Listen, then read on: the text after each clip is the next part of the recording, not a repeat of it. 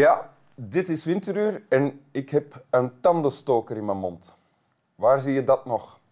Een tv-show met een presentator die een stuk hout in zijn mond heeft zitten. Dat kan alleen bij Winteruur, want Winteruur is rock en roll.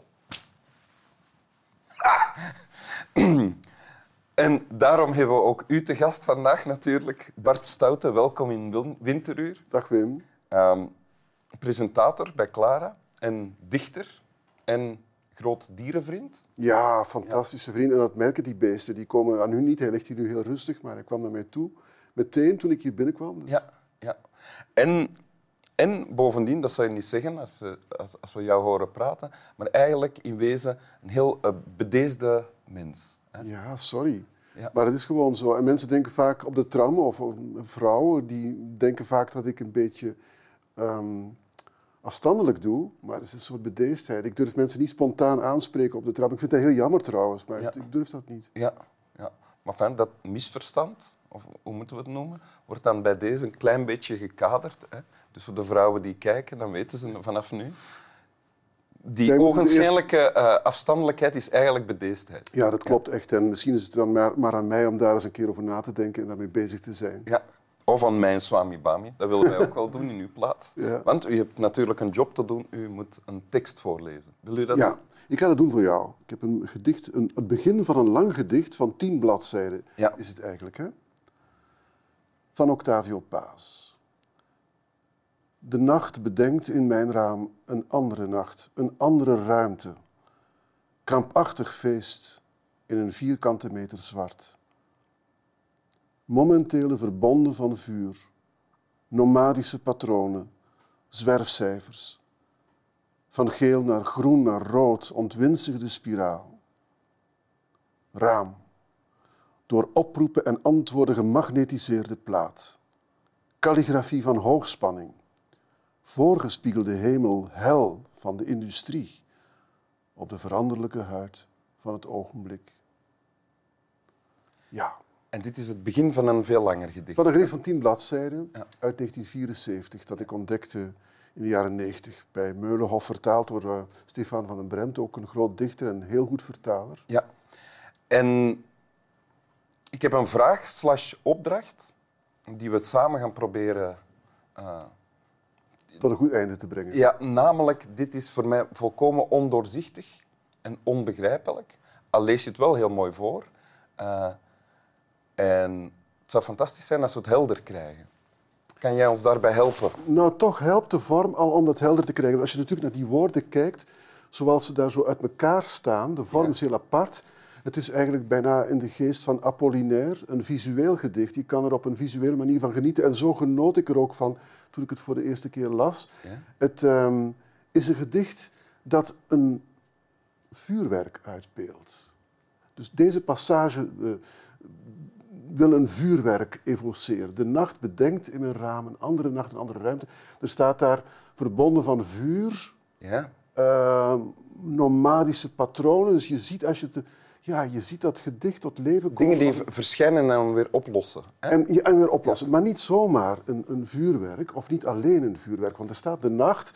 We kunnen ervan uitgaan dat is dan de nacht waarin hij misschien slapeloos ligt in, in een hotelkamer. Zo blijkt uit de rest van het gedicht. In San Idel, Ildefonso? Nee, Nee, nee. ah. Maar dat is nou, kijk, je, je, je stelt die vraag en dat is een goede vraag. Want als je ik nou een gedicht zou schrijven, bijvoorbeeld over de kelder in Marcinel, dan weet iedereen dat dat niet een gedicht gaat zijn over een prachtige kelder in een Ardeens dorpje, maar dat ik het ga hebben over Dutroux. Ja.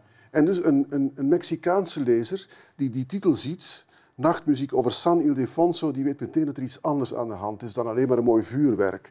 Want San Ildefonso, dat is trouwens een, theoloog uit de zevende eeuw in Toledo, die schreef over de spirituele verloedering, maar dat is nou even niet ter zake. Want San Ildefonso doet een Mexicaan onmiddellijk denken aan het Colegio de San Ildefonso, de school die voorbereidde op het universitair leven daar. En dat is de plek waar studenten in mei 68, vlak voor de Olympische Spelen daar, gingen vluchten. Dus er was op het plein het eh, Ze gingen vluchten van wie? vluchten voor een bloedbad dat daar gebeurde in de buurt op het plein van de drie culturen.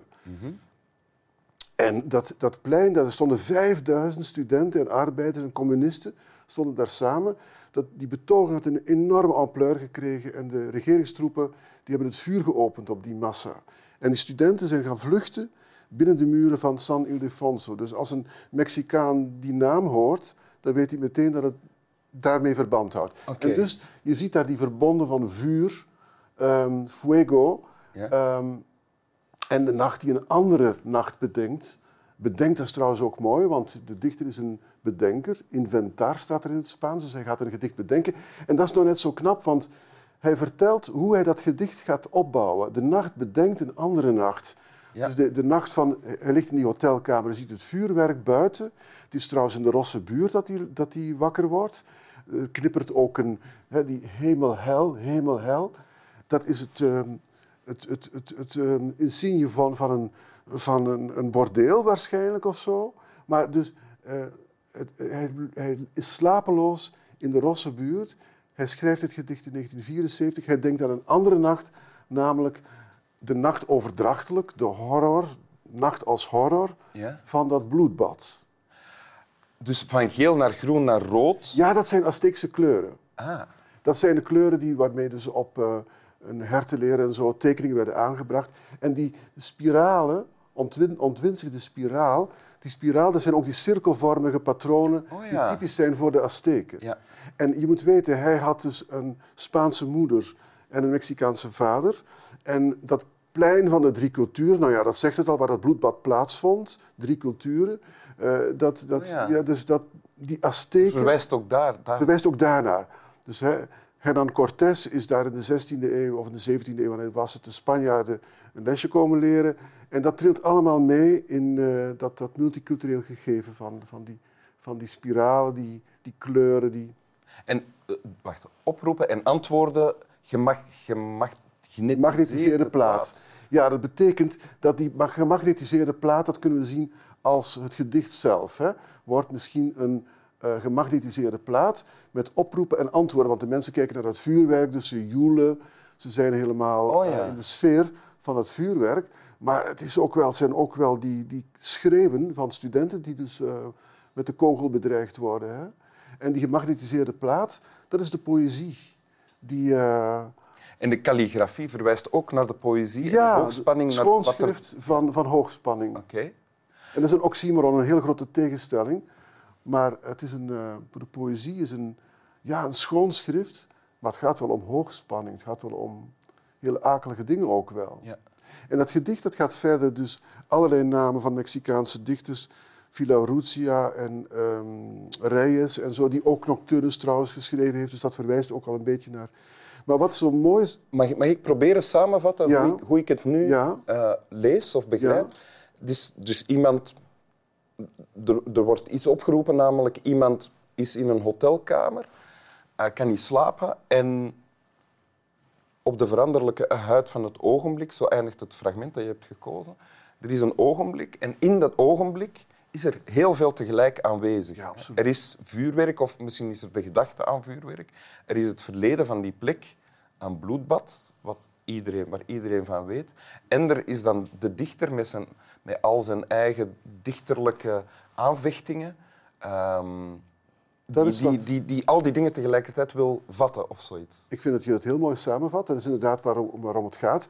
En je moet, ik moet er ook bij vertellen dat hij zelf les gevolgd heeft aan dat college, dus dat San Ildefonso College. En dat zijn vader ook de secretaris was van de rebellenleider Emilio Zapata, die natuurlijk de Mexicaanse revolutie in 1910 Dus het betekent voor hem zelf ook echt heel veel. Dan. Ja, het betekent heel veel. En hij gaat in het vervolg van het gedicht nadenken over überhaupt de betekenis van revolutie of revolutionaire gedachten in Mexico. Ja. Wij zijn geen Mexicanen, daar kunnen we het over eens zijn, denk ik. Maar toch kies je dit. Ja. Wat treft jou dan zo hard in dit? Wel, wat mij betreft, ik ben natuurlijk een dichter en ik houd van lange gedichten. Ik ben tuk op die gedichten van Blaise Cendraren, T.S. Eliot en eh, Walt, eh, eh, Wa- Walt Walt, Whitman. Whitman en anderen. En ik eh, vind het altijd leuk om lange gedichten te schrijven, omdat je de link kan leggen van een eigen evolutie die je hebt afgelegd met de, wat leeft in het collectief onderbewuste van de samenleving. Ja. Ik vind dat nou net zo leuk aan lange gedichten. Maar ik zit zelf vaak te, te, na te denken over die vraag, hoe start je zo'n gedicht op? Hoe begin je da daaraan? Hè? Want je moet toch een bepaalde formule hebben die iets ontketent, of die iets noodzakelijk maakt, of die iets uitlokt. Ja. En dat vind ik nou zo mooi. Dat hij dus een prachtige vorm gevonden heeft, namelijk dat vuurwerk.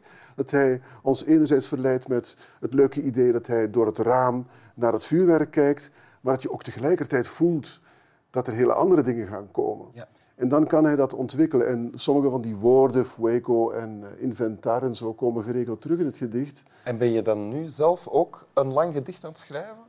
Ja, Ja? je voelt het. Ja, ik ben eigenlijk weer aan een lang gedicht bezig. Eh, een soort autocue gedicht met hele korte verzen, een beetje in de geest eigenlijk van dit gedicht. En heeft dit jou geholpen om te ja, beginnen? Ja, ja, dit gedicht heeft mij geholpen. En het is een, een, een heel lang gedicht met hele korte verzen, waarin ik op een autocue-achtige manier een soort stream of consciousness naar, naar ehm, formuleer over de lockdown. Ja.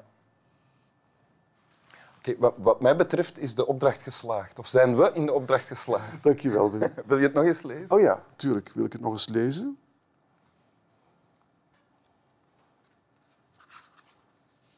De nacht bedenkt in een raam een andere nacht, een andere ruimte. Krampachtig feest in een vierkante meter zwart. Momentele verbonden van vuur, nomadische patronen, zwerfcijfers.